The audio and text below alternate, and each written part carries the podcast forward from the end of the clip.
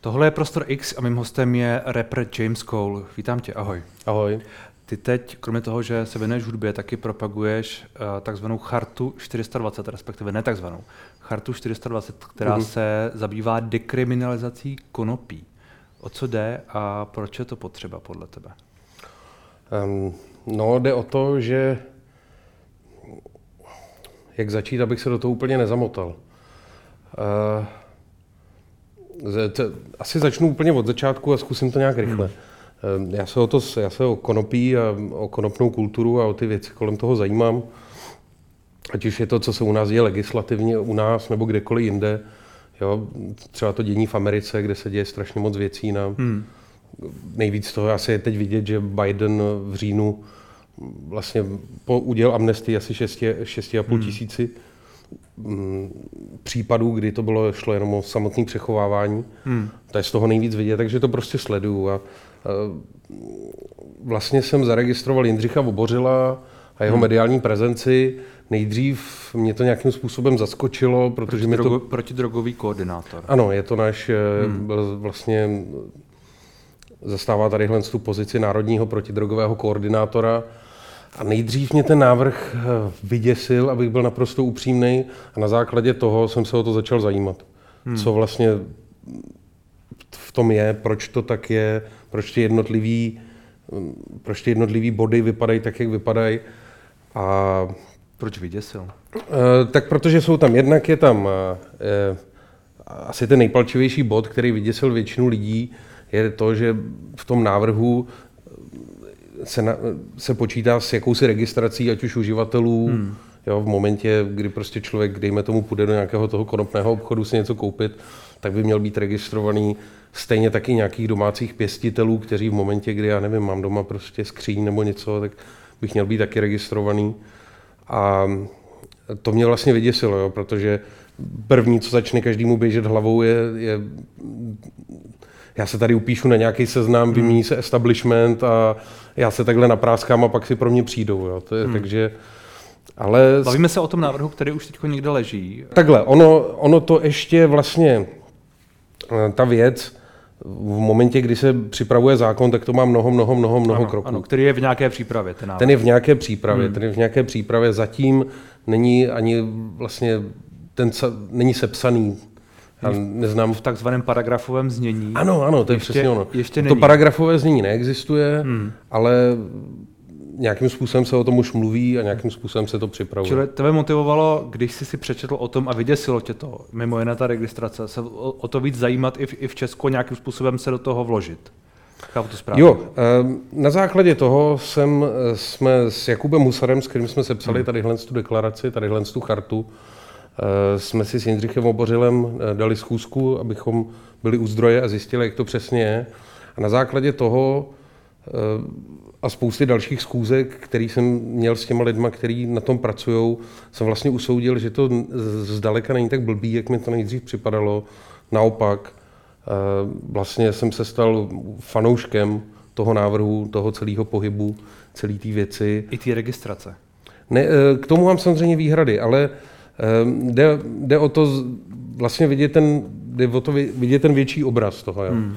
Protože v momentě, pokud se to neposune teď, teď je ten čas, kdy se to může někam posunout, po, eh, pokud se ty hranice nikam neposunou, tak se to nestane hrozně dlouho. Hmm. Protože příští volby nás, to je prostě vidět, nás čeká něco příš, z mýho pohledu příšerného.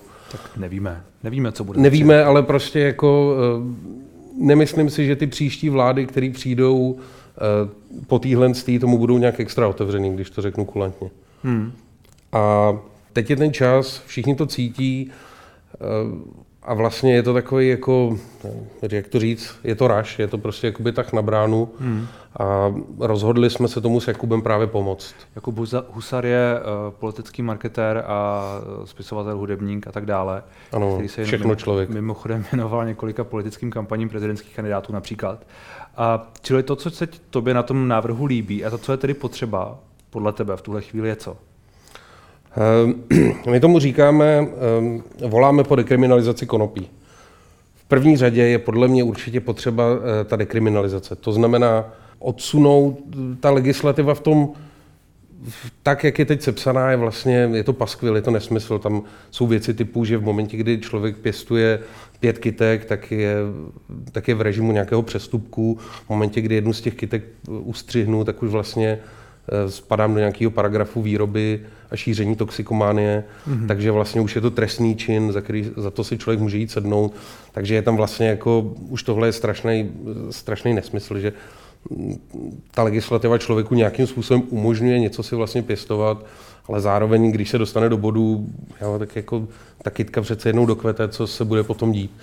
Takže jde o narovnání vlastně eh, tady těch, tady těch vlastně nesmyslů, které tam jsou a s tím spojených, eh, řekněme, občas i drakonických eh, trestů za vlastně nepřiměřený společenský riziko, dejme tomu, jsou, často se objeví případ někde pán, sedm kytek hmm. a tak dále, a tak dále. Ty lidi se jdou za to opravdu sednout. A, takže v první řadě je to dekriminalizace, kdyby vlastně podle mě celý ten, celá ta marihuana, celé to konopí mělo spadnout do úplně jiného režimu, prostě sazeb. Z mýho pohledu by to měly být maximálně pokuty.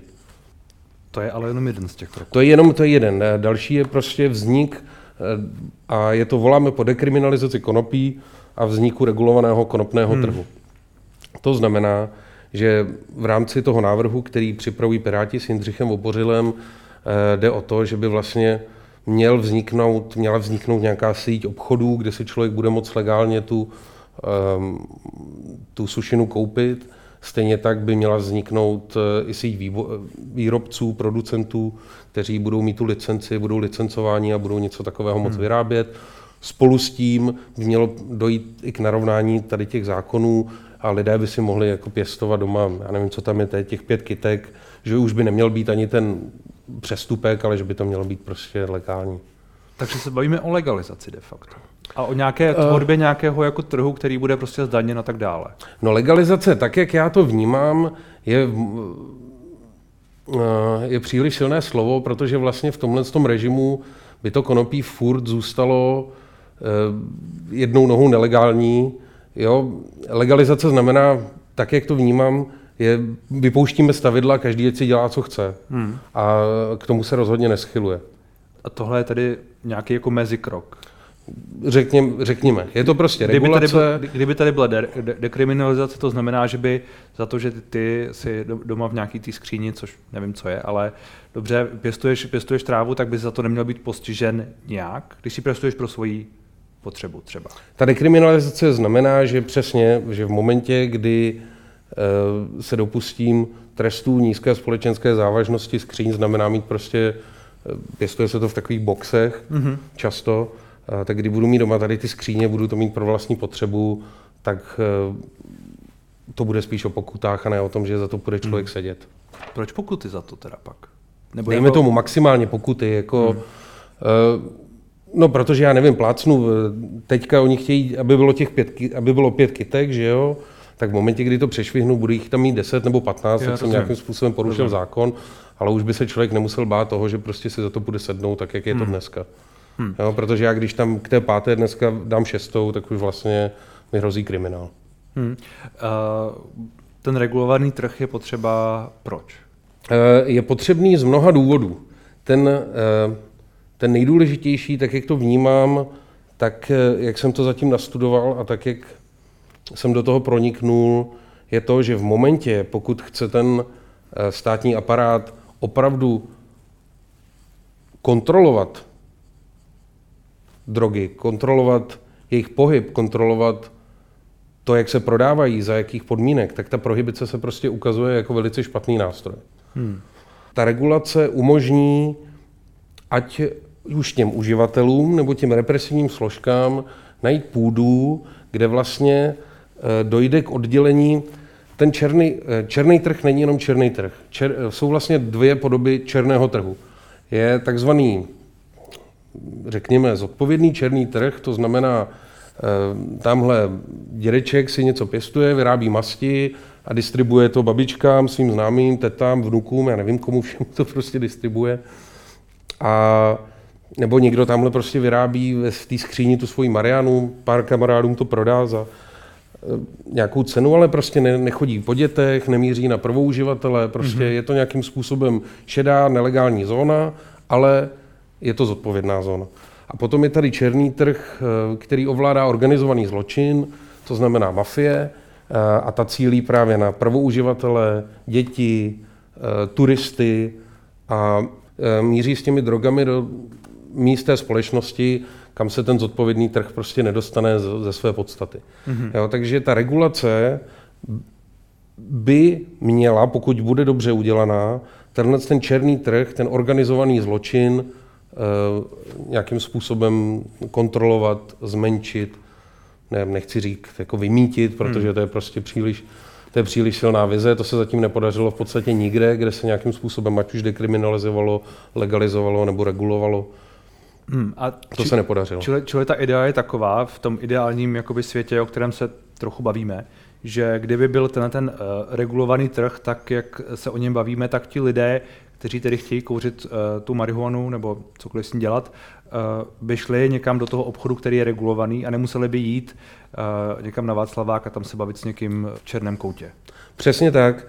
To je další věc, že vlastně ten regulovaný trh umožní těm výrobcům zlepšovat kvalitu té své produkce, protože se nemusí bát žádných represí, tím pádem se může prostě do těch obchodů dostávat velice kvalitní zboží, které se bude testovat na patogeny, které se bude prostě, u kterých bude znám obsah látek, způsob, jakým to bylo pěstováno, eh, veškeré složení.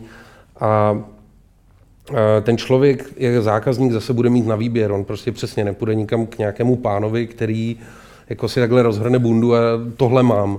No, prostě tak jako většina lidí, když si jde koupit marihuanu, tak prostě kupuje to, co je, od někoho, kdo jim to dá. Neví, neví odkud to je, neví, co v tom je. A, a, takže vlastně pro toho zákazníka by ta situace byla transparentní, stejně tak, jako si jde koupit pivo, ví, co v tom je, ví, odkud hmm. to pochází a tak dál. Ten hlavní vlastně důvod, proč my jsme sestavili tenhle text a proč stojíme tady za tou iniciativou, je ten, že vlastně podle nás ten legislativní stav, to, jak eh, ty zákony jsou dneska napsané, to, jakým způsobem eh, se ten státní aparát chová k, té, k tomu konopí, neodpovídá vůbec té realitě současné, české, konopné. Je to, mm, a shodují se na tom vlastně odborníci. A ta realita je jaká? Ta realita je taková, že prostě eh, je to mezi námi, a je to mezi námi hodně a i odborníci se shodují na tom, že ta společenská škodlivost eh, je vlastně, nechci říkat jako zanedbatelná s alkoholem, ale není zdaleka ani tak velká, jako je u alkoholu, který funguje v plně legálním eh, režimu, zatímco vlastně u tady u té marihuany nebo u toho konopí eh, jsou ty flastry furt jako obrovský za to. Jestli jsem správně teď pochopil, tak si, tak si říkal, že alkohol je horší. Eh, co se týče dopadů na společnost, ať už je to kriminální činnost, ať už eh, jsou to prostředky vynaložené na boj s ním, eh, hmm. ať už je to veškeré problémy, které vyvolává, tak je daleko horší.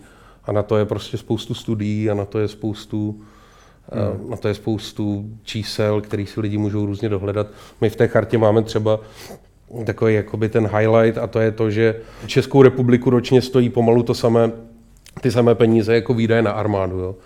Eh, v momentě, kdy je rozpočet, já nevím, kolem nějakých 1500 eh, miliard, tak prostě 60, 70 na boj s alkoholem je prostě strašně moc. Hmm. Jo, ale zase, ta prohibice, ta prohibice, ne, ta prohibice u toho alkoholu, to není nic proti alkoholu, jo, to hmm. není, Eh, to, ne, to není jako protialkoholové tažení, to je jenom ve srovnání. Prostě ta prohibice, jak byla třeba, dejme tomu, ve 20. letech v USA, tak to vedlo k tomu, že ten trh okamžitě převzala eh, mafie, organizovaný zločin. To všichni to známe, speakeasies a, a v ten moment člověk jde a někam v lavoru dostává pančovaný alkohol, v který může být metylalkohol, jo? To je ta situace analogická s, s tím konopím. A tady to teď skutečně uh, ovládají tyhle mafie? Velkou část trhu uh, ovládají mafie, ať už větnamská, ruská a další. Hmm, jak nebezpečné tyhle ty, uh, skupiny jsou? No velmi, že jo, protože v momentě, jak jsme se bavili o rozdělení těch, jak jsme se bavili o rozdělení těch dvou trhů, hmm. ten zodpovědný trh, to prostě, když si tamhle Petr s Pavlem, on mu jde prodat 10 gramů trávy, vynkasuje za to peníze, tak prostě jako Pavel to zase rozpustí v té ekonomice hmm.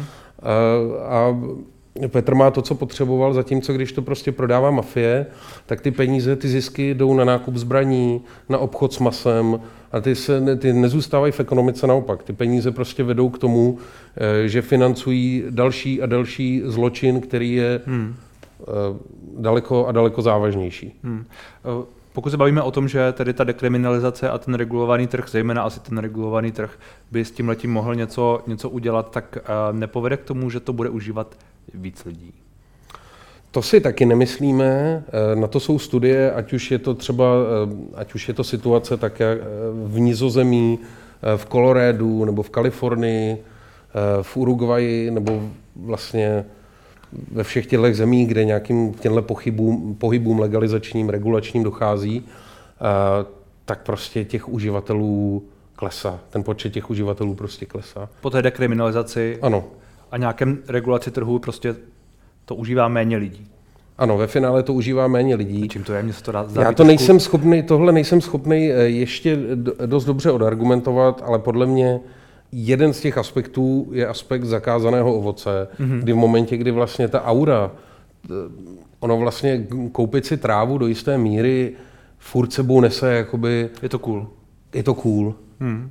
Je kolem toho něco zakázaného, jo? já se tím vyděluju z té společnosti a teď jsem trochu jako, teď jsem trochu renegát a vlastně jako jsem rebel a spoustu, prostě to tam ty mladý táhne, jo? a fakt mezi těma prvouživatelema je ta, ta, ta procento těch lidí mladých, kteří se s tou marihuanou setkali, je prostě neuvěřitelný. To je asi 75% nebo něco takového.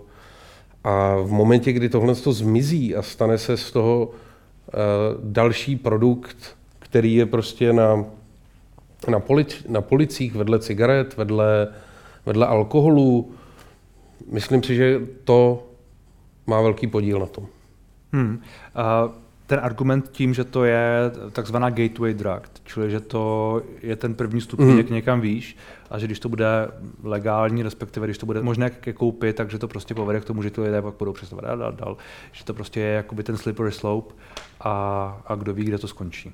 No jasně. To, to je něco, s tím nesouhlasíš? To je něco, co už vlastně nesouhlasím. Já jsem prostě čet spoustu studií, které, závěry studií, které tohle to vyvrací, ukazují vlastně, že v momentě, kdy je ten trh regulovaný a kdy nějakým způsobem eh, je to transparentní, tak vlastně se uvolní těm represivním složkám ruce a daleko více vlastně potom dá investovat toho času, energie a peněz do nějaké prevence hmm. a osvěty. Jo, kdy vlastně eh, člověk lidi přestane strašit a začne spíš vzdělávat a jo, je to vlastně jako říkat, že marihuana vede k dalším drogám, je vlastně to samé, jako kdyby člověk řekl, že já nevím, že cukr eh, vede ke koláči a koláč vede, já nevím, jo, je to prostě ten, ta kauzalita takhle prostě nefunguje. Hmm. A nicméně někteří politici tím nepochybně argumentují. Já uh-huh. jsem ty argumenty slyšel velmi nedávno. A jsou to ti politici, kteří pak o tom budou muset nějakým způsobem hlasovat, pokud to má projít. Čili ty v tuhle chvíli věříš, že nějaká většina v poslanecké sněmovně nebo jinde je, která by proto, proto byla. Já nemám tu politickou realitu úplně zmapovanou, že bych byl schopen říct, kdo proto přesně je a kdo proto není. Ale jedním z důvodů, proč vlastně my to děláme, je, aby jsme podpořili ten návrh, který Piráti s, s Jindřichem Bobořilem připravují, a ukázali jsme skrze kultivovanou eh, diskuzi těm politikům a těm zákonodárcům, že je to něco, po čem volá lid, že to je prostě lidová věc, my jsme jakoby občanskou iniciativou, hmm. Eh, tohle není žádná marketingová kampaň eh, huliči huličům, jo, my se snažíme nějakým způsobem... A, ne, a není to tak? Uh, jako, tak to ale může být vnímáno, ne přece, jakože oni, oni kouřejí, tak to chtějí mít jako legální. Tak samozřejmě pro ty, pro ty lidi, kteří to rádi kouří, pro ty se ta situace zlepší. Jo? A budou to mít legální nebo nějakým způsobem zregulovaný a dostanou se k tomu líp. ale tady jde opravdu, nám jde opravdu o to, abychom tu současnou realitu, kdy vlastně je tím celá ta společnost protchnutá, ať už hmm. ti lidi, kteří to užívají, nebo ti, kteří to neužívají. Jo, v momentě, kdy já nevím, prostě tamhle to někdo bude doma hulit děcko, tak už je tím zasažená celá rodina, všichni to mají na očích, jo, prostě hmm.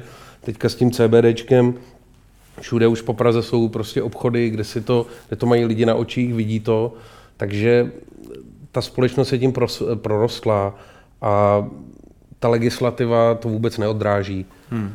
A to je vlastně to nejdůležitější, o co nám jde, prostě zvednout, ten, zvednout to téma, ukázat ho a zaplnit tím média a nějakým způsobem vyvolat tu, eh, vyvolat tu racionální, pragmatickou diskuzi kolem toho. Tak jak moc racionální bude, to jsem sám zvědav, tak uvidíme. Děkuji za rozhovor. Já děkuji.